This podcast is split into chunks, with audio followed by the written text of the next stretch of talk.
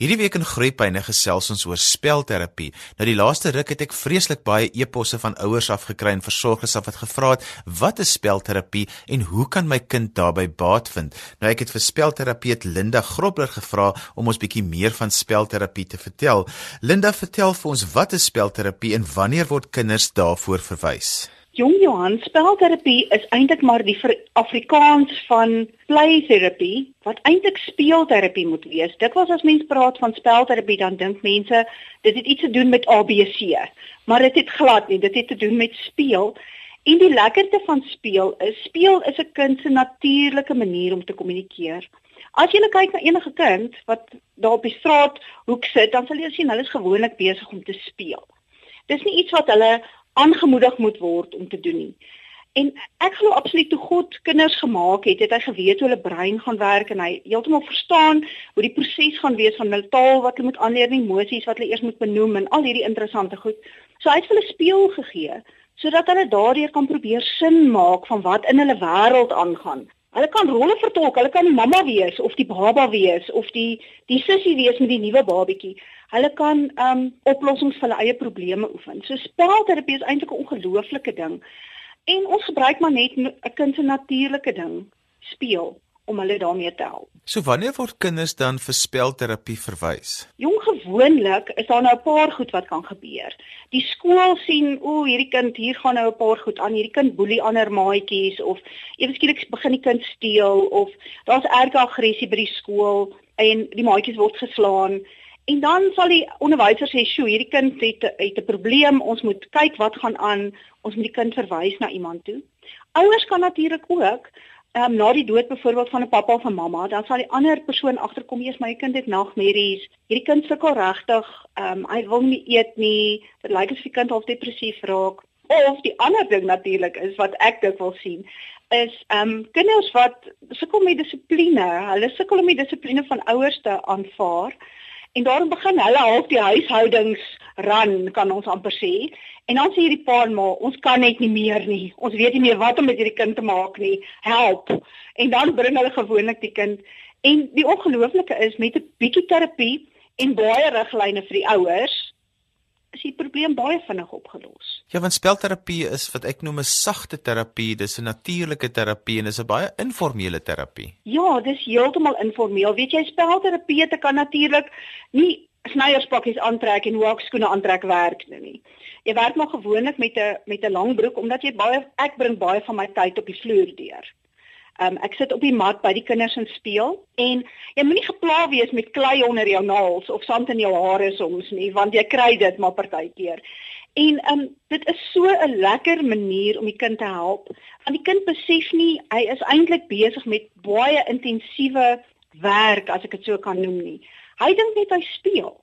En die genade is dat hulle hulle self gesond kan speel as jy weet in watter rigting en hoe om hulle te lei en te help. Verhouding tussen die kind en die spelterapeut is natuurlik op sigself klaar 'n ding wat besig is om gesond te maak. Linda, so vertel vir ons vir watter ouderdom tot en met watter ouderdom kan 'n mens van spelterapeute gebruik maak vir kinders? Jong, daar is mense wat al onder 'n jaar werk, maar dit is vir my 'n bietjie um vir my bietjie rof. Ek kan nie dit doen nie. Ek werk so van 2 jaar af. Ek het al spelterapie gebruik op 'n tannie wat 71 jaar oud was. Um maar ons noem dit dan nie spelterapie nie, ons noem dit kreatiewe terapie. Maar die beginsels is presies dieselfde. Kan dit nog vir met groot gemak vir tieners gebruik. Hulle gebruik hulle werk nou dit werk nogal baie goed vir hulle ook. So waarvan maak spelterapeute gebruik wanneer hulle terapie doen? O, dis 'n interessante ding.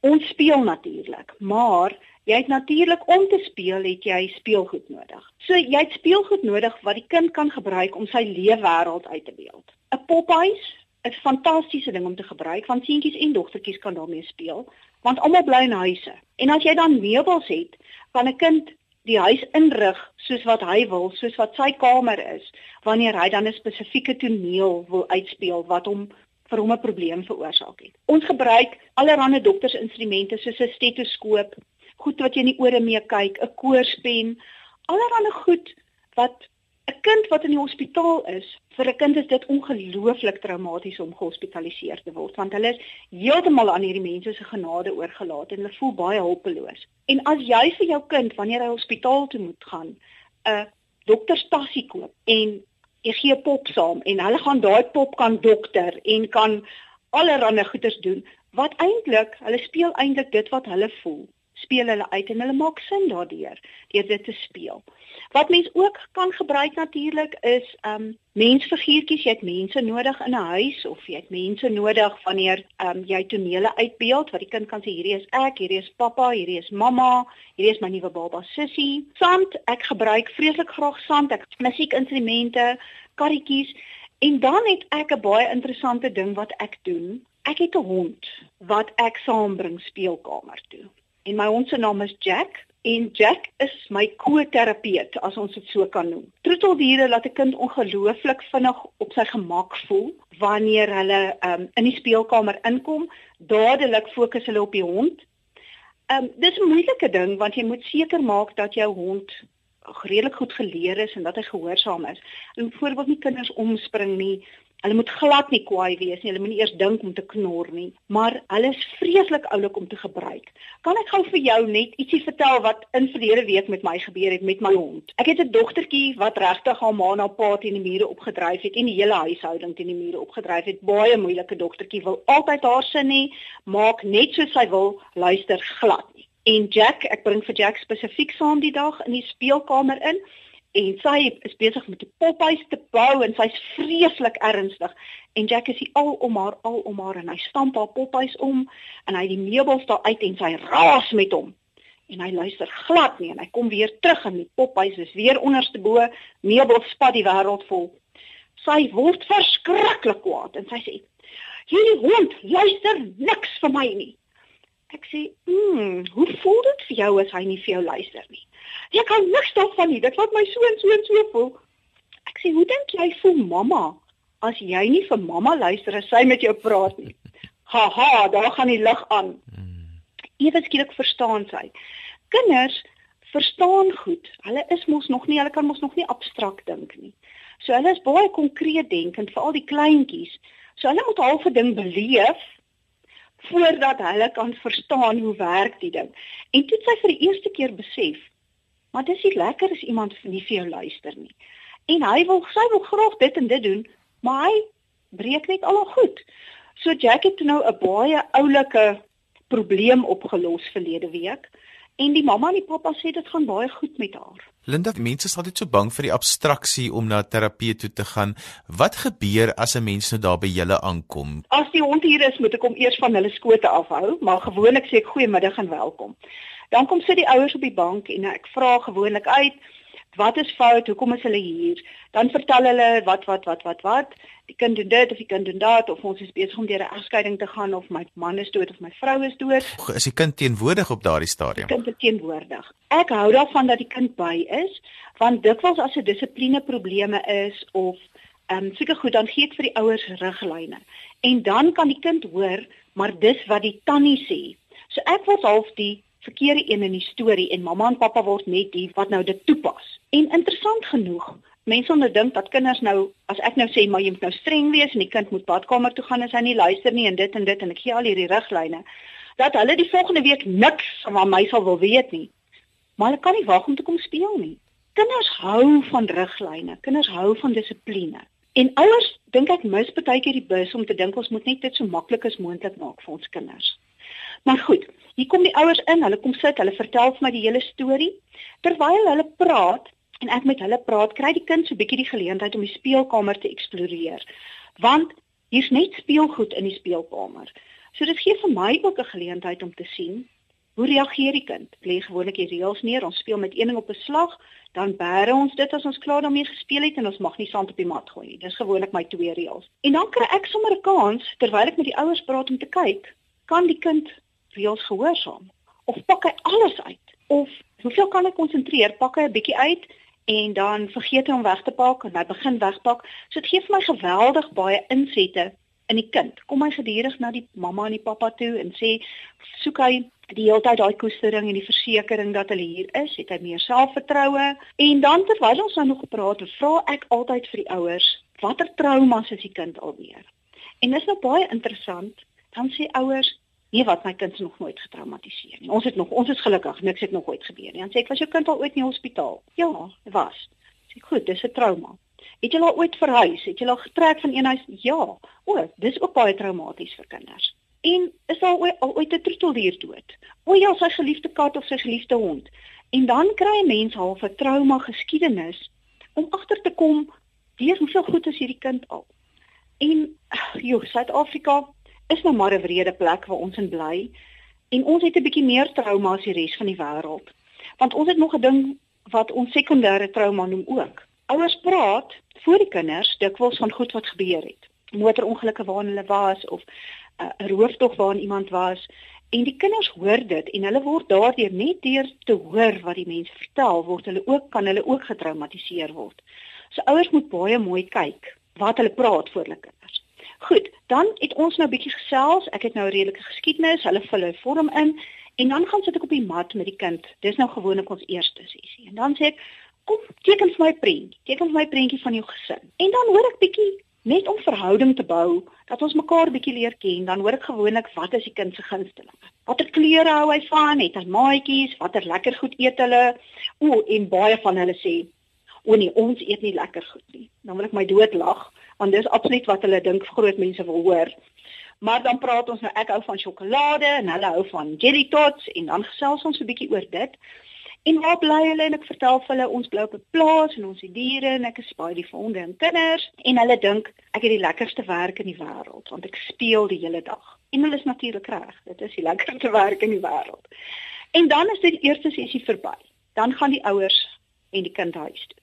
Tweede sessie sal die kind inkom, dan as ehm um, hulle klein is, 2 jaar en ek sien hulle is baie klouerig, sal ek nie noodwendig dat hulle skei van die ouers nie. Ma en pa sal dalk of mamma sal die eerste sessie dalk insit, maar van die derde sessie af kan die kind al heeltemal alleen op sy eie saam met my kom speel. Linda, kom ons praat 'n bietjie verder en ons vra maar watter tipe probleme kan deur spelterapie opgelos word? Sjoe Johan, byna enige iets. Enige trauma, dood, motorongelukke, hospitalisasie, geweld, misdaad, egskeiding, molestering, as mense verhuis, swak selfbeeld, min selfvertroue, enige vrese wat die kinders het vir die donker, so byvoorbeeld hier 'n hond gebyt is, kan mens help met dit.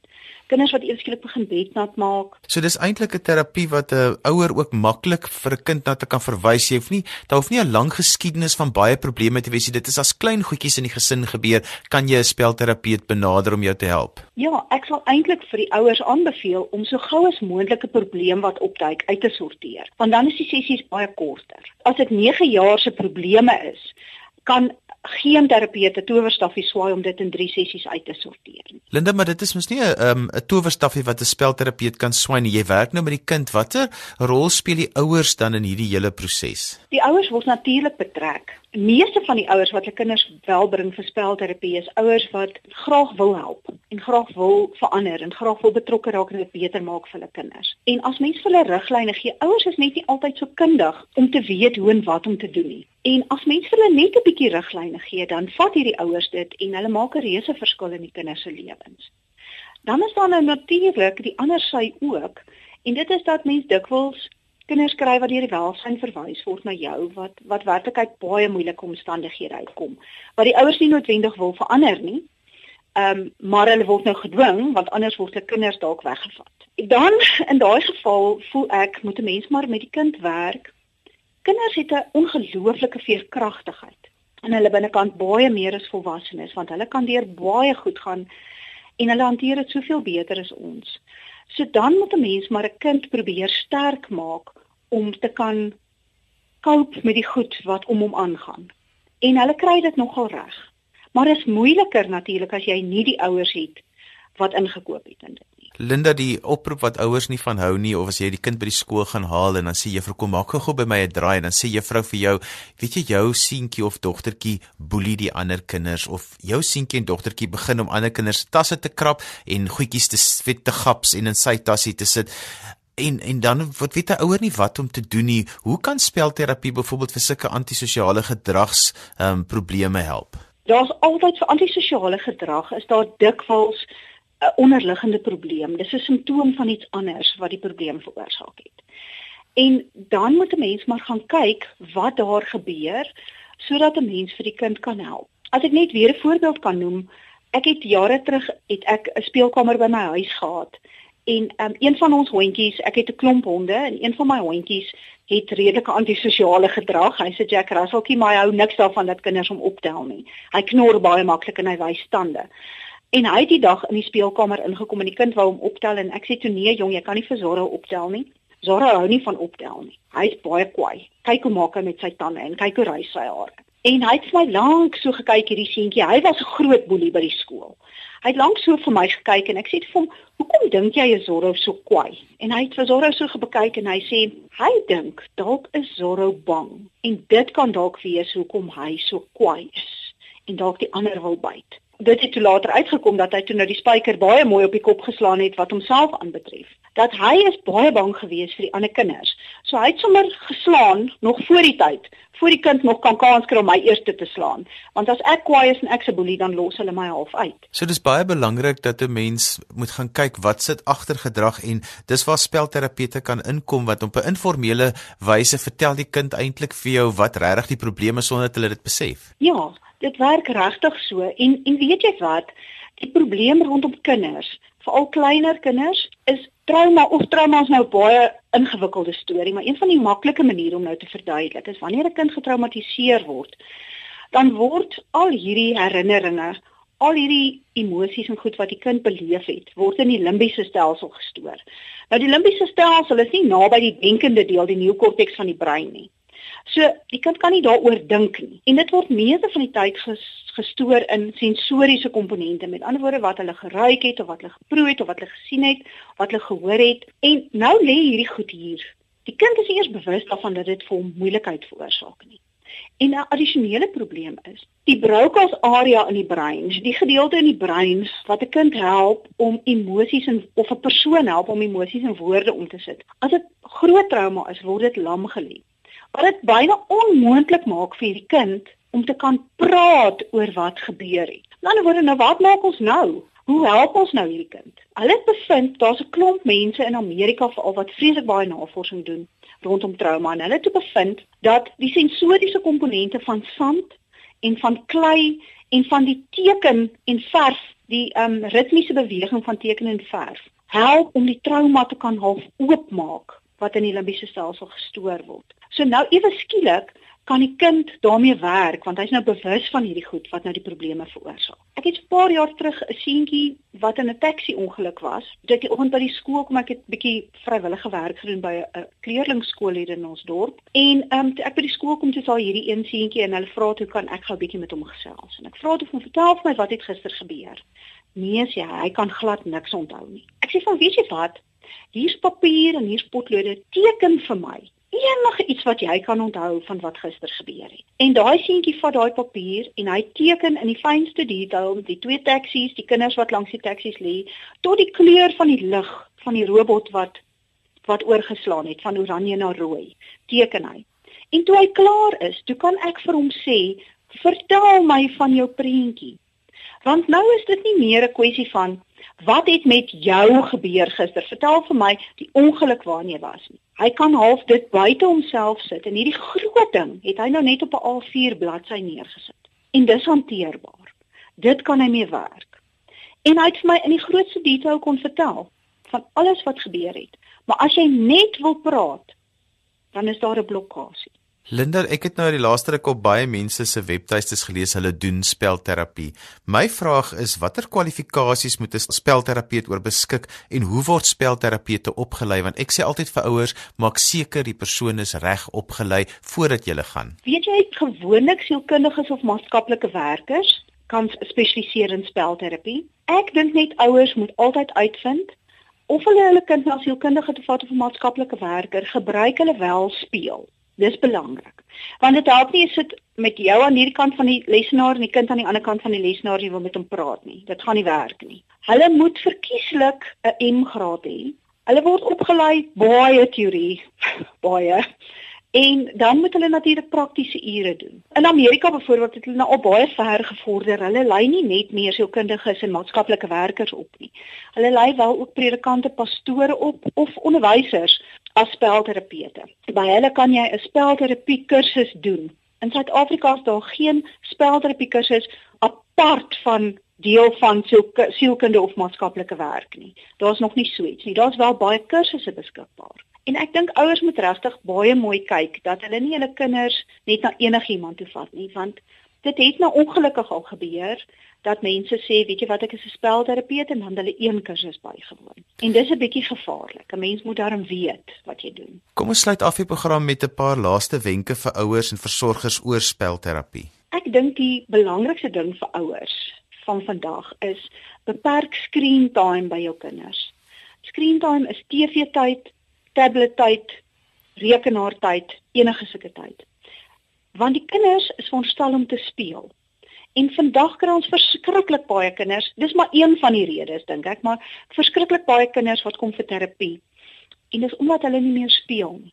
Speel leer kinders om hulle eie probleme uit te sorteer en om bietjie te kan oefen en al hierdie tipe goed en hulle kry nie meer kans om dit te doen nie. En ek sê vir die ouers, as jy regtig wil weet wat in jou kind se wêreld aangaan en jy wil weet hoe funksioneer jou kind, gaan doen vir jouself vergins en gaan sit ten minste 2 keer 'n week plat op die mat saam met jou kind en speel. In daai tyd jy nie die mamma of die pappa nie, in daai tyd is jy 'n maatjie en jy gaan speel saam met daai kind. Dit is ongelooflik die inligting en die kennis en die insaag wat jy kry in jou kind se wese wanneer jy dit doen. Linda, as ouers met jou wil kontak maak, hoe kan hulle dit doen? Hulle kan vir my kontak, my selfoonnommer is 083 292 5654 of e-pos lgrobler1@gmail.com. Dis dan alwaar vir ons tyd het vandag. Onthou jy kan weer na vandag se program luister as 'n potgooi. Laai dit af by rsg.co.za. Ons het vandag gesels oor spelterapie en my gas was spelterapeut Linda Grobler. Skryf gerus my e-pos by groeipyne@rsg.co.za